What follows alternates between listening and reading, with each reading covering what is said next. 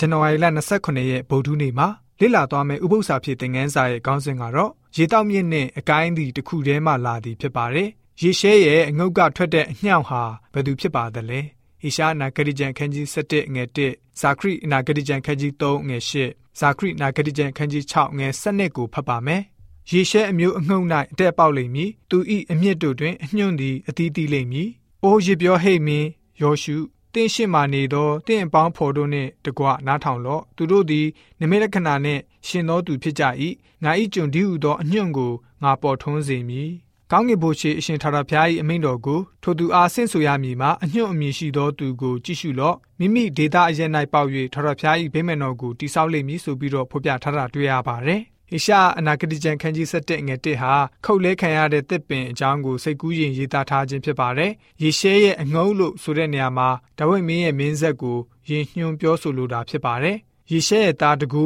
မှေးမိန်သွားပါလိမ့်မယ်။ဒါပေမဲ့အညောက်အညွန့်ပြန်ထွက်လာပါလိမ့်မယ်။တင်းငုတ်တူကြီးကနေပြန်ပြီးတော့ထွက်လာမှာဖြစ်ပါတယ်။ဆိုလိုချက်ကတော့ဒါဝိဒ်မင်းရဲ့မင်းဆက်ကနေဆင်းသက်တဲ့အမျိုးကနေပြန်ပြီးတော့ပေါ်လာမှာဖြစ်တဲ့အကြောင်းကိုဆိုလိုတာဖြစ်ပါတယ်။ ဒါဝိမင်းရဲ့မင်းဆက်ကိုယေရှဲရဲ့အုတ်မြင့်လို့ဘာကြောင့်ခေါ်ရတာလဲဘယ်လိုမျိုးအကြောင်းရှိလို့လဲဆိုတာကိုကြည့်ကြပါစို့ဟိရှာအနာဂတိကျမ်းခန်းကြီး7ငွေ30ဗျာဒိတ်ကျမ်းခန်းကြီး20ငွေ16ကိုဖတ်ပါမယ်ထိုကာလ၌ယေရှဲ၏အမျက်သည်ပေါက်၍လူများအဖို့ထူသောအလံဖြစ်လိမ့်မည်ထိုအလံ၌တပါးမျိုးသားတို့သည်စီးကပ်ကြလိမ့်မည်ကျင်းဝတ်တော်မူရာအရက်သည်လည်းဘုံကြီးလိမ့်မည်ငါယေရှုသည်အသင်းတော်တို့အဖို့ဤရာများကိုသင်တို့အားတသက်ခံစေခြင်းက ငါဤကောင်းကင်တမန်ကိုဆေလွတ်၏ငါသည်ကဒါဝိဒ်၏အမြင့်ဖြစ်၏အနွယ်လည်းဖြစ်၏ထွန်းတောက်သောမူတောက်ကျယ်လည်းဖြစ်၏ဆိုပြီးတော့ဖော်ပြထားတာတွေ့ရပါတယ်ဆိုလိုတာကတော့ယေရှုခရစ်တော်ပဲဖြစ်ပါတယ်သူဟာဒါဝိဒ်မင်းရဲ့အမြင့်တရားလည်းဖြစ်ပါတယ်စင်သက်ရာအနွယ်လည်းဖြစ်ပါတယ်ခရစ်တော်ဟာဒါဝိဒ်အမျိုးကနေဆင်းသက်လာပါတယ်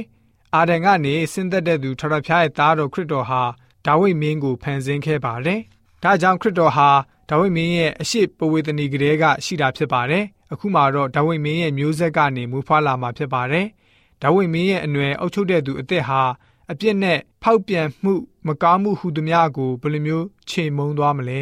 ဆိုတာကိုဟေရှာအနာဂရိကျန်ခန်းကြီး7ကိုဖတ်ရှုမယ်ဆိုလို့ရှိရင်တွေ့နိုင်ပါတယ်။ဖျားသခင်နဲ့အတူဆုံးဖြတ်တဲ့ညတစွာတရားစီရင်တဲ့လူဆိုးတွေကိုအပြစ်ပေးတယ်။ညီသက်ချင်းကိုယူဆောင်လာပေးတယ်။ သူယူဆောင်သွားခဲ့မယ်ဆိုရင်ဖျားရှင်ဟာပြန်ပြီးတော့ခေါ်ဆောင်လာပါလိမ့်မယ်။ဣသေလတွေရဲ့တစ္ဆာတော်ကိုစုစည်းပြီးတော့ပြန်လည်ကောင်းမွန်စေပါလိမ့်မယ်။ယူဒပြည်နဲ့ဣသေလပြည်ကိုပြန်ပြီးတော့ပေါင်းစည်းပေးပါလိမ့်မယ်။ဒါဝိမင်းအုပ်စိုးစဉ်အချိန်ကားလို့အင်အားတောင့်တင်းတဲ့မင်းဆက်ဖြစ်ပါလိမ့်မယ်။ဖိလိတိလူတွေကိုချိန်မုံနိုင်တယ်လို့ရှိပါလိမ့်မယ်။သို့တော့အုပ်စိုးသူဘုရင်အသက်ဟာဒါဝိမင်းကြီးထက်ပိုပြီးတော့ခွန်အားကြီးပါလိမ့်မယ်။ဖန်ဆင်းခြင်းအရာအလုံးကိုလည်းပဲပြန်လည်ကောင်းမွန်စေမှာဖြစ်ပါတယ်။အသားစားကျူးတဲ့တာရဲတရိษံဟာတသက်လွတ်စားပါလိမ့်မယ်။မိမိအလိုနှစ်သက်တဲ့သားကောင်တွေနဲ့အတူညီညွတ်စွာနေပါလိမ့်မယ်။ဟေရှာအနာဂတိကျမ်းခန်းကြီး7ဟာခရစ်တော်ပထမအချိန်ကြွလာတဲ့အကြောင်းကိုရေးသားထားခဲ့တဲ့အပြင်ဒုတိယအချိန်ကြွလာမယ့်အကြောင်းကိုလည်းပဲပါဝင်ရေးသားထားတာကိုတွေ့ရှိရပါသလား။ဟေရှာအနာဂတိကျမ်းခန်းကြီး7မှာကြွလာမယ့်အချိန်